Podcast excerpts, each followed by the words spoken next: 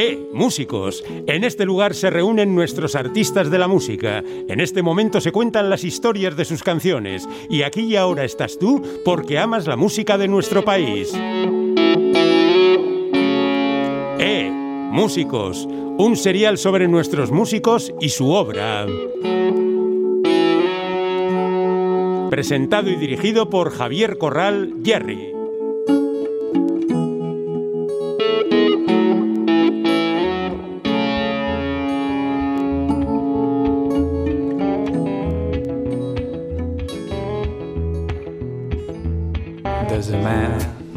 Wakes up every morning. No matter if it's sunny or it rains. Takes his fiddle, stands by the highway. No one seems to really care. Keeps on playing, would never get tired. It's that someone sin again.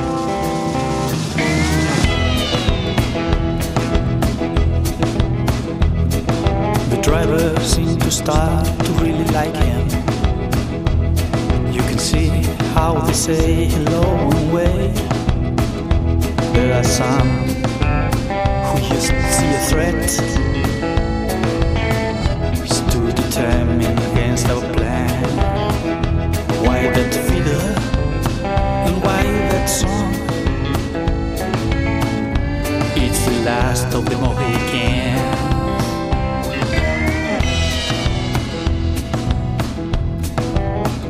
They wanted to know who's that stranger. May we join and be his friends?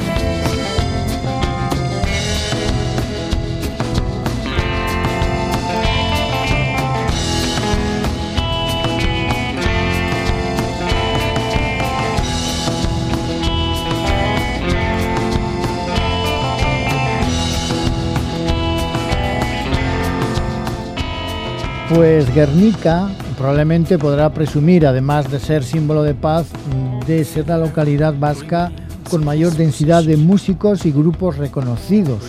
Uno de los más destacados es Gaisca Insunza, que junto a su hermano Ager lidera Audience, banda con dos décadas de historia y nueve discos publicados que compaginan sólidas bases de country rock genuino con el devenir de la americana y el rock alternativo, y poco a poco con un sabor cada vez más clásico como señas de identidad, un grupo que se sabe bien de dónde vienen, pero que han convertido en sorpresa en cada uno de sus posteriores discos.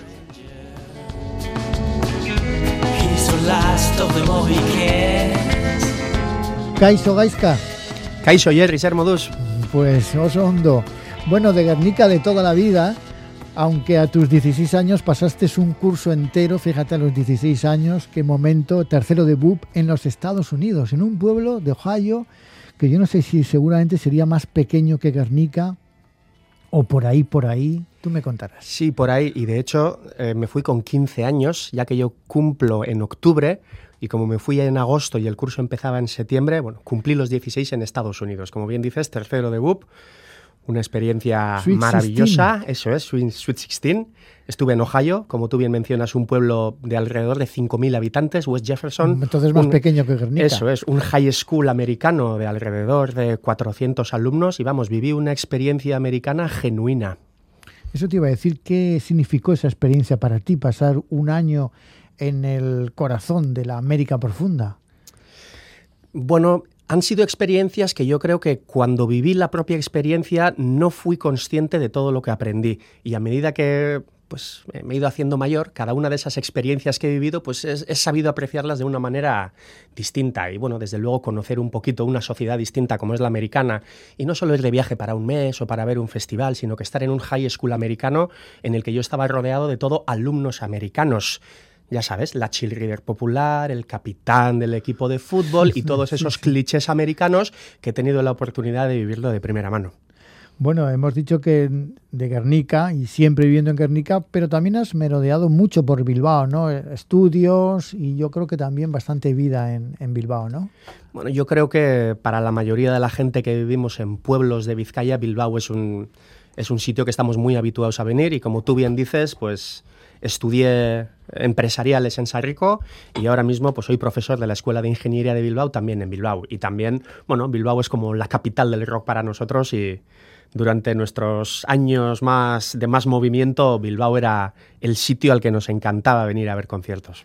Ahora que el centro de operaciones en Guernica y para vosotros el Trinquete. Eh, hay una historia triste con ello porque pues recientemente se ha cerrado, incluso le habéis compuesto una canción, le habéis dedicado una canción en, en el último álbum, ¿no? Sí, de hecho yo diría que la, andadura de Audience va un poco en paralelo al trinquete o la del trinquete va en paralelo a la de Audience, ya que nosotros empezamos nuestra actividad en 1999 y el primer concierto en el Trinquete es en el año 2000 y ese primer concierto lo damos nosotros. Tras 20 años organizando conciertos y yo creo que se ha convertido en un sitio casi de culto para el que ama la música en Euskal Herria, sobre todo la gente de Vizcaya y sobre todo la gente de alrededor de Guernica, ya que me imagino que en Bilbo hay una oferta cultural muy grande y siempre nos ha costado atraer a la gente de Bilbo a Guernica, ¿no? En cambio, para lo que es más de una oportunidad, sí, ¿eh? Sí, yo me acuerdo que Vosotros el concierto y de Talia Galletac, los dos. Ajá, eso es, eso es.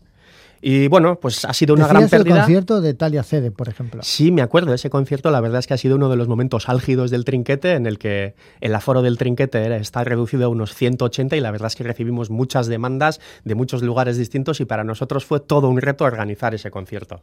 Pero bueno, tras 20 años de andadura, eh, tras 20 años hemos tenido que dejar el trinquete y fuimos nosotros también hicimos un pequeño concierto de despedida en un ambiente muy íntimo, ya que la pandemia no nos permitía despedir al trinquete como se merecía. A lo mejor, cuando pase todo esto de la pandemia, a lo mejor hacemos, le hacemos la despedida que se merece.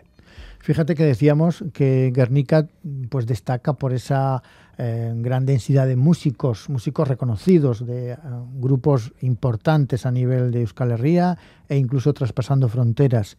¿Cómo es la relación entre los músicos de Guernica, vosotros, con pues gente que a priori tiene poco que ver, musicalmente hablando, estilísticamente hablando, yo que sé, Gatibu, Kensaspi, Esquisu en su tía, Dientes de Luna. sí, la relación es muy buena. Eh, de hecho, la relación eh, se basa en contactos anteriores. Es decir, por ejemplo, el guitarrista de Kensaspi, Beñat Serna, es de la clase de mi hermano. Y Aymar Arejita, eh, guitarrista de Gatibu, es de la misma generación. Los tres son eh, Aymar Arejita no es de la misma clase que mi hermano Ibeñat Serna, pero son de la misma generación, por lo tanto han coincidido pues, en todas las fiestas, en toda una experiencia generacional. Vosotros sois dos hermanos, solamente dos hermanos, y los dos os dedicáis a la música, y los dos estáis juntos en el mismo grupo en todo ese tiempo, en estos veintitantos años de, de audience. ¿Cómo lo han llevado esto en vuestra casa? Que de dos los dos salgan, iba a decir titiriteros, vamos a dejarlo en músicos. Porque tu padre es ingeniero, poco tiene que ver con esto. Sí, pero mi hermano también es ingeniero. Ah, también y yo he estudiado licenciado en empresariales y estoy dando clases en la escuela de ingeniería. O sea, una de otra de arena. Hemos tenido una dedicación inmensa a la música, pero siempre mis aitas siempre han insistido en que siempre tuviéramos una opción B, por lo tanto los dos tenemos trabajos que, que, se ubican fuera de la música. Pero bueno, nuestra pasión es la música y ahí está la prueba. Llevamos, el primer grupo que formamos juntos fue en el 95, cuando yo volví de Estados Unidos con 16 años. En ese grupo ya estaban Andoni y Mikel, que posteriormente también han sido miembros de Audience, y ese grupo se llamaba Ortosic.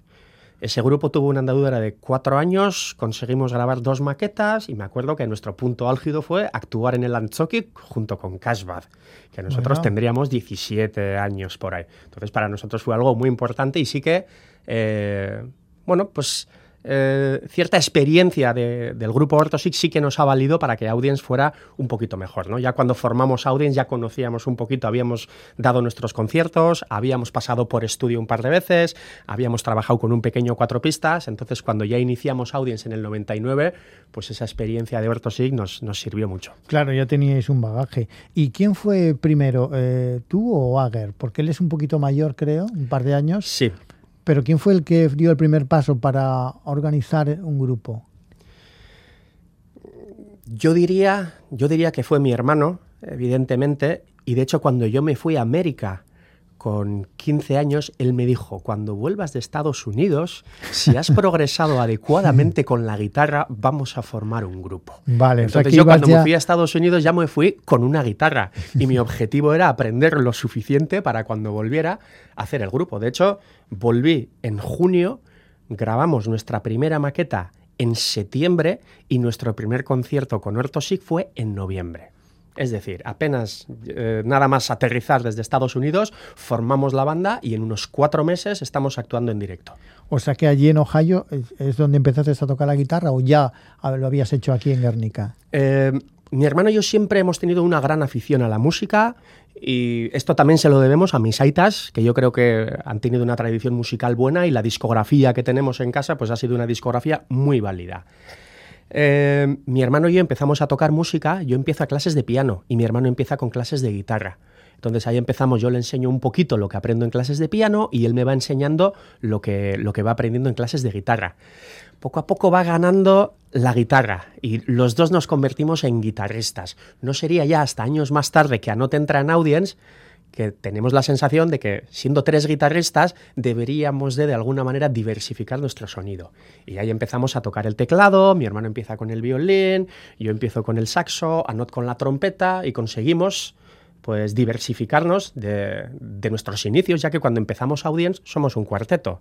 El primer concierto de Audience en 1999 somos mi hermano, yo, Andoni y Mikel, que ya venían de nuestro grupo anterior, Ortosic y somos un cuarteto con una formación rock tradicional que grabamos una maqueta de cuatro canciones y recuerdo que ya en el 2000 actuamos en el Villa Bilbao como cuarteto. En el 2001 repetiríamos, esta vez ganando. Esta vez lo ganasteis el concurso, ¿eh? ante muchas bandas de todo el estado, incluso europeas. Yo creo que para entonces ya había empezado. nosotros ganamos, voy a matizar que fuimos el mejor grupo del estado, porque fue, como tú bien ah, dices, la primera edición internacional y ganaron los suecos Berry Ape. En cualquier caso, siempre nos hemos sentido ganadores. sin duda, sin duda. ¿Quién se acuerda de aquellos suecos? Bueno, fíjate, eso que has dicho, que efectivamente empiezas a tocar el piano, creo que tienes 12 años por ahí, una cosa así, ¿no? Sí. Y lo haces eh, tocando mm, piezas de compositores clásicos. Pero tú te vas dando cuenta que a ti lo que te fascina, lo que te gusta de verdad es ese aura que transmiten los grupos de rock y la música alrededor del rock. Lo tienes claro desde ese momento, ¿no? Sí, yo cuando empiezo a ir al, al conservatorio, pues es una, son estudios de música arreglados y por lo tanto pues yo tengo mis partituras de Bach, mis partituras de Mozart, mis partituras de Le Carpentier, etc. Entonces ese aprendizaje musical se basa mucho en un aprendizaje técnico, leer música e interpretar. Ya en ese momento recuerdo ya eh, que el Sig Stardust era un disco que me encantaba, con unos 12 años. Y yo recuerdo llegar a casa después de las clases de piano y, por ejemplo, una canción que tengo en mente es Lady Stardust. Y yo quería unir esos dos mundos. Es decir, lo que estoy aprendiendo en el conservatorio y leyendo música, ¿cómo puedo conseguir que ese aprendizaje utilizarlo para poder tocar las canciones que a mí me gustan? Y ese aprendizaje yo tengo muy claro en el relato de Audience, que es mi hermano aprendiendo la guitarra, que lo aprendió con el gran maestro Batis, otro gran músico y referencial de Guernica. Es mi hermano el que me da las algunas pautas para entender la música y poder utilizarlo como herramienta para poder empezar a tocar las canciones que nos gustan. Y bueno, ya una vez que vuelvo de Estados Unidos hay un par de grupos referenciales que son The Who y Led Zeppelin y mi hermano y yo nos tocábamos los discos de The Who y Led Zeppelin a dos guitarras, vamos. Había mucha, mucha barrera, digamos, entre esa parte más académica y tu imaginario musical, digamos, ¿no? Encontrabais ahí... Sin duda sin duda. Parecía que podías estar estudiando cuatro horas de piano para poder tocar de manera perfecta una pieza de Mozart, pero no conseguía entender qué había detrás de esos acordes, qué había detrás de esas melodías, cómo podía unir las melodías con los acordes y cómo poder utilizar todo eso para componer canciones o para poder de oído interpretar canciones que me gustaban. Esa separación, esa línea que separa lo que es el aprendizaje musical ortodoxo y lo que es aprender a tocar a oído, pues sí, se lo tengo que agradecer a, mi hermano Aguer. Sois euskaldunes de Guernica, pero el grupo ha utilizado, digamos, como eh, pues idioma mater musicalmente el inglés, cada vez más el euskera y en algunos momentos también el, castellano. eh, la tendencia está clara que cada vez um, tendéis más precisamente a utilizar vuestro idioma, eh, que es en este caso es el euskera, ¿no? Sí, yo creo que es un, el tema del idioma es como un fantasma que nos persigue durante 20 años. De hecho, somos como una especie de paradigma de grupo Euskaldun que canta en inglés. Eso es. yo creo que se lo hemos pasado a un grupo que ahora es más famoso, que es Belaco, ¿verdad?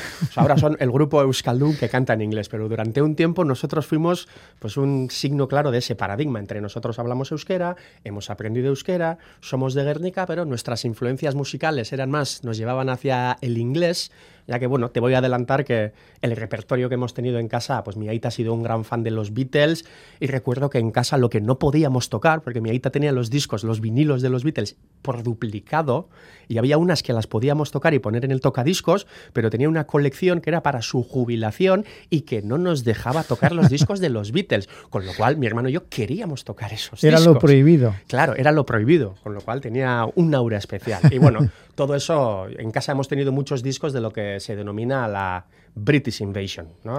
The Kings, The Who, los Rolling Stones, los Beatles, esa música de los, 60 que a mi Aita le gustaba mucho y luego en lo que hace referencia a la música americana también siempre hemos tenido pues eh, discos de Bob Dylan en casa. Y bueno, pues partiendo de ahí era evidente que las influencias musicales que, que más habíamos abarcado eran en inglés y de manera natural nos salía cantar en inglés. Yo te diría que el euskera, a mí por lo menos, me supone un esfuerzo extra y es una especie de compromiso que hemos tomado con el euskera, ya que no es un idioma normalizado y sin duda queremos mostrarnos ante el público como euskaldunes y también notamos que con el inglés tenemos una especie de barrera con el público. Cuando Anari, por ejemplo, en un concierto suelta una frase, esa frase a veces te llega. La escuchas, la entiendes y te llega. Nosotros al expresarnos en inglés sabemos que no podemos llegar de esa manera a nuestro público. Y cantando en euskera, pues sí que podemos conseguirlo. Quizá también pertenecéis a una primera generación trilingüe en este país, ¿no? Que os podéis manejar en los tres idiomas. Sí, también destacar que mi viaje a Estados Unidos me hace sentirme un poquito más cercano a la cultura americana y después de un año en Estados Unidos pues domino el inglés y lo hablo con fluidez. Eso me permite, me permite cantar en inglés con fluidez y no hacer un wachuweri. y el viaje a Cuba, porque fue también importante, más reciente, para grabar un disco con Kaki Arcarazo, con toda la troupe, digamos, y que también nos marca en cierta medida, ¿no? ¿Cómo no? Es que el nivel que vimos en Cuba fue impresionante. Musicalmente es una cosa... Y sí, esa es una aventura que se la tenemos que agradecer a Kaki Arcarazo porque ya en, la primera experiencia de grabación que tenemos con él fue en la Shaking Cal Water, que si no me equivoco fue en el 2008 y él nos recomendó, él en ese momento también estaba grabando con Amparanoia y creo que no sé si había vuelto de Cuba o se iba a ir a Cuba a grabar y bueno, pues nos comentaba pequeñas anécdotas de, esas grabaciones y nos, nos, dijo que a él le parecíamos un grupo apropiado para poder hacer una aventura de esas. Entonces, pues nada, ya habíamos hecho también el viaje a Estados Unidos con John Añelo, siempre buscamos aventuras nuevas y le llamamos a Kaki y le dijimos, oye Kaki, aquello que nos dijiste si hay posibilidades de retomarlo, a nosotros nos gustaría. Vamos para allá. Requirió un esfuerzo inmenso por nuestra parte de producción, pero la verdad es que la experiencia que vivimos fue única. Antes decías, Gaisca, licenciado en Administración y Dirección de Empresas, empresariales, y doctor por la UPV. Eh, tu primer trabajo fue de administrador y contable de una empresa, eso sí, una empresa de logística del espectáculo. De alguna forma te encontrabas un poco en tu mundo, ¿no? Sí, o en tus dos mundos. Sí, eso es, eso es. De hecho, eh, tú mencionas mi primer trabajo, que es contable y administrador en una empresa de sonido, y también has mencionado mi doctorado, que mi tema de doctorado es sobre los cambios de la industria discográfica. Una tesis. Realizas una tesis, sobre ello hace unos años. Eso es, eso es. La tesis la leí, si no me equivoco, en 2016. Y ahora también, como profesor de la universidad, estoy intentando trabajar y mis campos de investigación están relacionados con las industrias culturales, las industrias creativas, etc. Entonces, sí, eh, siempre intentando, he intentado de alguna manera pues, esas dos pasiones mías, o el mundo académico y el mundo musical, unirlos. De hecho, cuando entré a la universidad yo pensé, ¿qué es lo que yo puedo aportar a esta universidad? Y lo primero que pensé fue que mi experiencia como músico, mi pasión como músico, y pues ese fue el tema que escogí para la tesis. ¿Y qué te aporta tu trabajo en la Escuela de Ingeniería de Bilbao, los alumnos como profesor de estadística y economía, a, digamos, todo ese otro mundo musical, artístico? digamos que hay cierta similitud, porque cuando das una clase estás, llamémosle, actuando delante de un público. Sin embargo, son dos mundos que no me gusta mucho juntar. Algunas veces son los alumnos los que y me identifican como músico o como miembro de audience y, por ejemplo, cuando he hecho votaciones para elegir al delegado de clase, hay papeletas en las que pone audience. Me acuerdo que una vez llegué a clase y los alumnos me, estaban mirando y estaban sonriendo y les dije, ¿qué pasa? Y mira, mira ahí a la izquierda. Y me pusieron en el aula un póster de Audience. Bueno, hay pequeñas anécdotas de esas o luego eh, voy a tocar conciertos y encuentro a mis alumnos en el público. Entonces, son, chavales, me imagino, de 18 años en adelante. Sí, más o menos, ahora mismo estoy impartiendo clase a alumnos de segundo de ingeniería. O sea, 18, 19, 18 y 19. Pero ya sabes que en la escuela de ingeniería eh, en segundo puede haber gente también de 22, 23 años. La escuela de ingeniería ya sabes que es muy dura, entonces el hecho de haber llegado a segundo, pues a partir de los 19, dejémoslo ahí. Fíjate, eh, yo siempre pensaba que efectivamente lo tuyo era principalmente la música americana, ¿no? Porque haciendo la música que hacíais, hoy ya has dejado bien claro que también tienes esa raíz muy importante inglesa y lo descubrí precisamente gracias a David Bowie, a vuestra colaboración con Cápsula de aquellas, aquellos conciertos haciendo música de David Bowie. Y David Bowie es quien has elegido hoy para terminar esta charla. Aunque podía haber sido también Michael Jackson, ojo.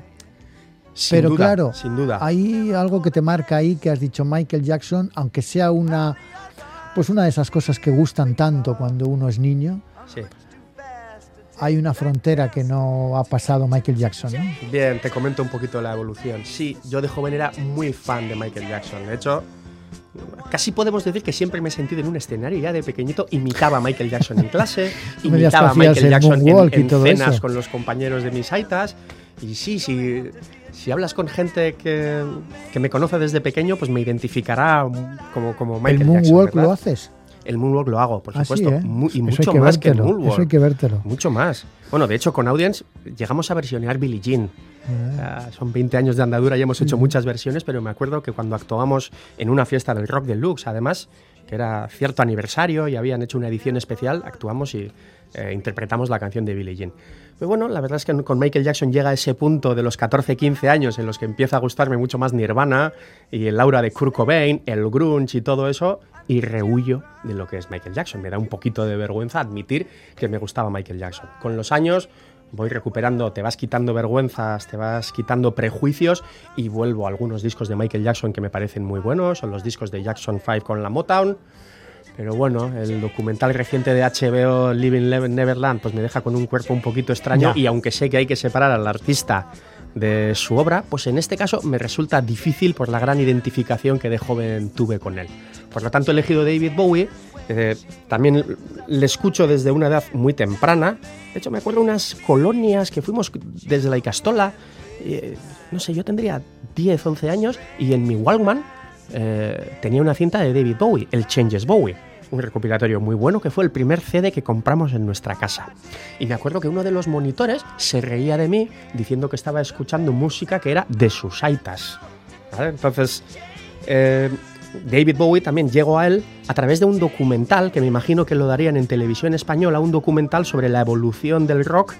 Y recuerdo que sale David Bowie maquillado, una figura muy extraña para mí en ese momento.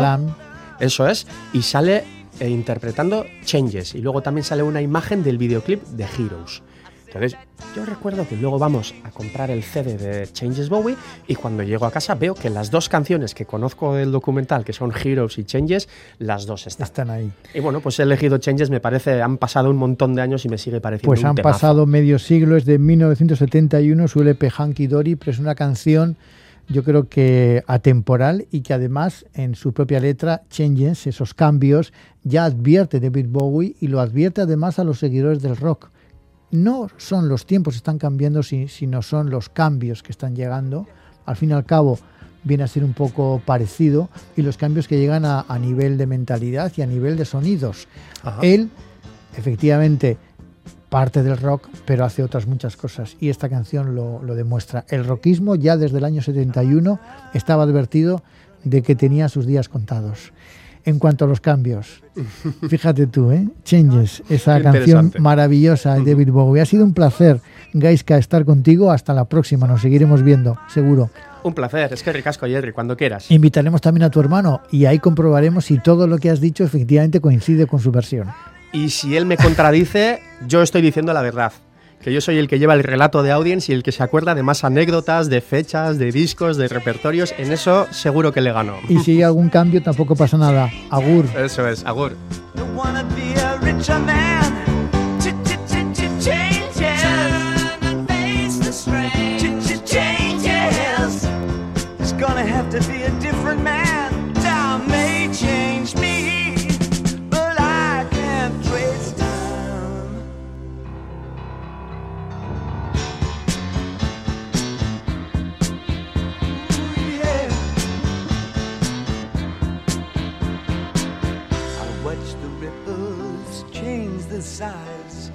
Never leave the stream of warm and permanent sand. So the days float through my eyes, but still the days seem the same. And these children that you spit on as they try to change their worlds are immune to your consultations. They're quite aware of what they're going through changes. Turn and face the strange. Changes. Don't tell them to grow up uh, out of it.